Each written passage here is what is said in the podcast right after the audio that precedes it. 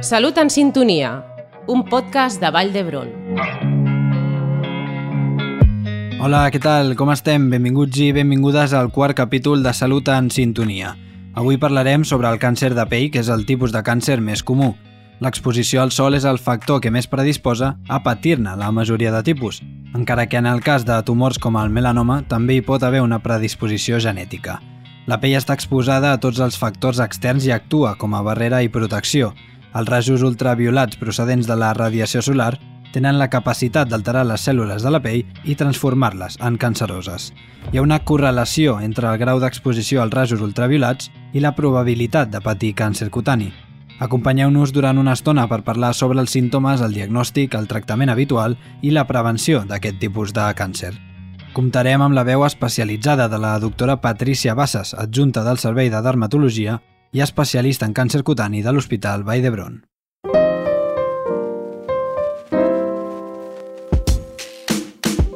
Per situar-nos, podem trobar tres tipus principals de càncer de pell, el carcinoma vasocelular, el carcinoma escatós i el melanoma maligne. Hi ha altres tipus de càncer de pell, però que són menys freqüents que els anteriors. El carcinoma de cèl·lules basals té un creixement local lent i, si no es tracta adequadament, pot infiltrar els teixits subjacents, la qual cosa requereix intervencions complexes. El carcinoma de cèl·lules escatoses també pot ser localment invasiu i en un petit percentatge de casos es pot disseminar als ganglis limfàtics i estendre's a altres òrgans fent metàstasi. El melanoma maligne és molt menys comú que els altres tipus de càncer, però té més risc d'estendre's a altres zones del cos. En etapes inicials és gairebé sempre curable, però sense tractament sol produir metàstasi. És la principal causa de mort per malaltia dermatològica. La doctora Patricia Bassas de l'Hospital Vall d'Hebron ens explica quins són els factors de més risc. Hay factores ambientales como la exposición a la radiación ultravioleta del sol que son determinantes. La gente con piel clara, ojos claros, pelo claro, y aquellas personas que están inmunodeprimidas tienen más riesgo de desarrollar algunos tumores cutáneos. Además, hay síndromes genéticos que predisponen al desarrollo de tumores cutáneos malignos. Normalmente estos tumores suelen manifestarse en edades más tempranas de la vida. En tots els casos, fer el diagnòstic i el tractament en les primeres etapes és molt important. El diagnòstic i els símptomes. Davant de lesions cutànies que hagin aparegut fa poc, que creixin o sagnin, ferides que no es curin o qualsevol canvi que s'apreci, el dermatòleg és qui dirigirà el diagnòstic. Ho farà mitjançant la història clínica, l'exploració física i, en determinats casos, amb una biòpsia cutània. Amb aquesta última s'extrau una petita mostra de pell que s'analitza i permet determinar el subtipus de càncer de pell. Tota lesió pigmentada de la pell que hagi aparegut fa poc o que canvi en poc temps ha de ser avaluada per un dermatòleg per descartar el melanoma. Per sort, el melanoma no és el càncer de pell més habitual, però sempre s'ha de considerar a causa de la seva gravetat. La doctora Patricia Bassas ens remarca els símptomes que ens han de posar en alerta. Manchas rojas, eh, manchas oscuras de reciente aparición, de crecimiento progresivo, nódulos o bultos que aparecen sobre la piel y que crecen rápidamente, lunares que pican, que sangran espontáneamente, que se abultan, que cambian de coloración. En definitiva, nos debe llamar la atención cualquier lesión que sea diferente al resto de lesiones que tenemos en la piel. Cal recordar que el càncer de pell no té per què sorgir només en parts que han estat exposades al sol. Per tant, és important saber que pot aparèixer a qualsevol part del nostre cos.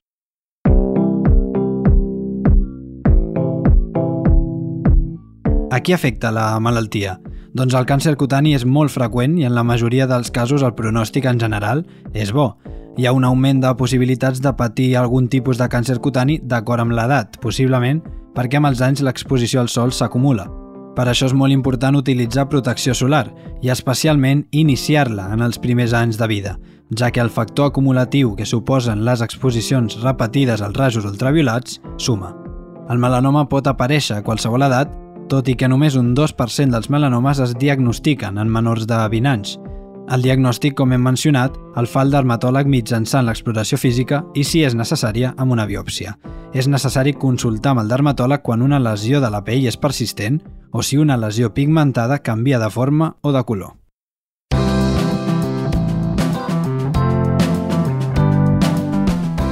Si parlem del tractament habitual, doncs en el cas del carcinoma de cèl·lules basals o de cèl·lules escatoses, El tractament més habitual és l'exèresi quirúrgica de la lesió, és a dir, l'extirpació. En algunes ocasions es poden destruir en fred, és a dir, la crioteràpia, o amb calor, l'electrocoagulació, i en alguns casos pot ser suficient aplicar un tractament mèdic en forma de pomada amb diferents principis actius. De vegades també és útil la radioteràpia.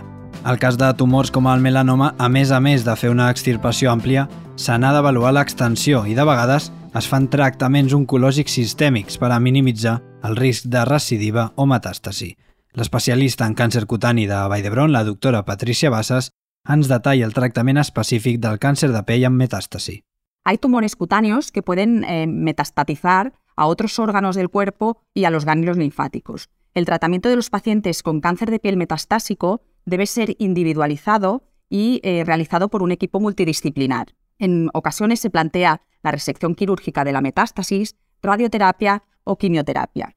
Volem remarcar que en el cas del carcinoma vasocelular i espinocelular, el tractament més utilitzat és l'extirpació quirúrgica.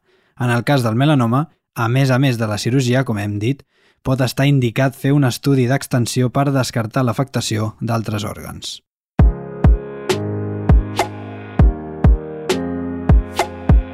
Què hem de fer per prevenir el càncer de pell? Doncs una adequada protecció contra la radiació solar és molt important per a prevenir-lo. Això s'aconsegueix limitant l'exposició directa a pocs minuts o bé mitjançant l'ús de roba per protegir-se del sol o l'ús de cremes o locions amb filtre solar amb índex de fotoprotecció alts.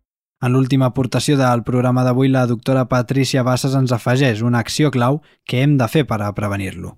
Se puede minimizar el riesgo de padecer un cáncer de piel reduciendo las horas de exposición a la radiación ultravioleta del sol, empleando ropa adecuada, sombreros de ala ancha, camisetas de manga larga, utilizando fotoprotectores con un factor de protección solar de 30 o más, cubriendo sobre todo las zonas corporales que quedan más expuestas al sol y lo más importante es realizar un eh, examen periódico de las lesiones que tenemos en la piel para intentar identificar aquellas que eh, son más sospechosas o diferentes al resto. Recordeu sempre, doncs, anar explorant-vos el cos periòdicament en cerca de taques o pigues sospitoses o inhabituals. Les idees clau d'avui, en un minut.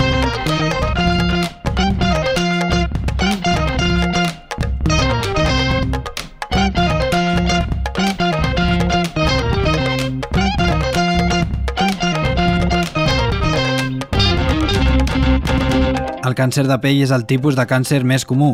L'exposició al sol és el factor que més predisposa a patir-ne tots els tipus, encara que en el cas d'alguns tumors, com el melanoma, també hi pot haver una predisposició genètica, davant de lesions cutànies que hagin aparegut fa poc, que creixin o sagnin, o si apareix algun canvi que s'apreci, el dermatòleg és qui dirigirà el diagnòstic.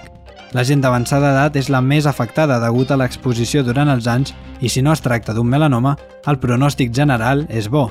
El tractament més habitual és quirúrgic, extirpant la zona afectada i en determinats pacients amb tumors de baix risc es poden plantejar tractaments de destrucció en fred, calor o aplicació de cremes amb determinats principis actius. En cas de metàstasi són necessaris altres tractaments oncològics. La prevenció és molt important per evitar aquest tipus de càncer, utilitzant protectors solars de factor 30 o superiors, evitant l'exposició perillonga del sol i realitzant autoexploracions del cos en cerca de marques estranyes.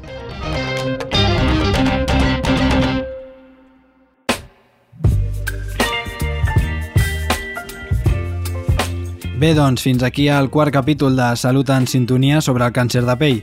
Estigueu atents als següents programes per parlar de més consells de salut, més tractaments, més malalties, com sempre ja sabeu, amb veus de professionals assistencials. Gràcies per l'atenció i la confiança. Ens escoltem en el següent programa. Fins aviat. Cuideu-vos.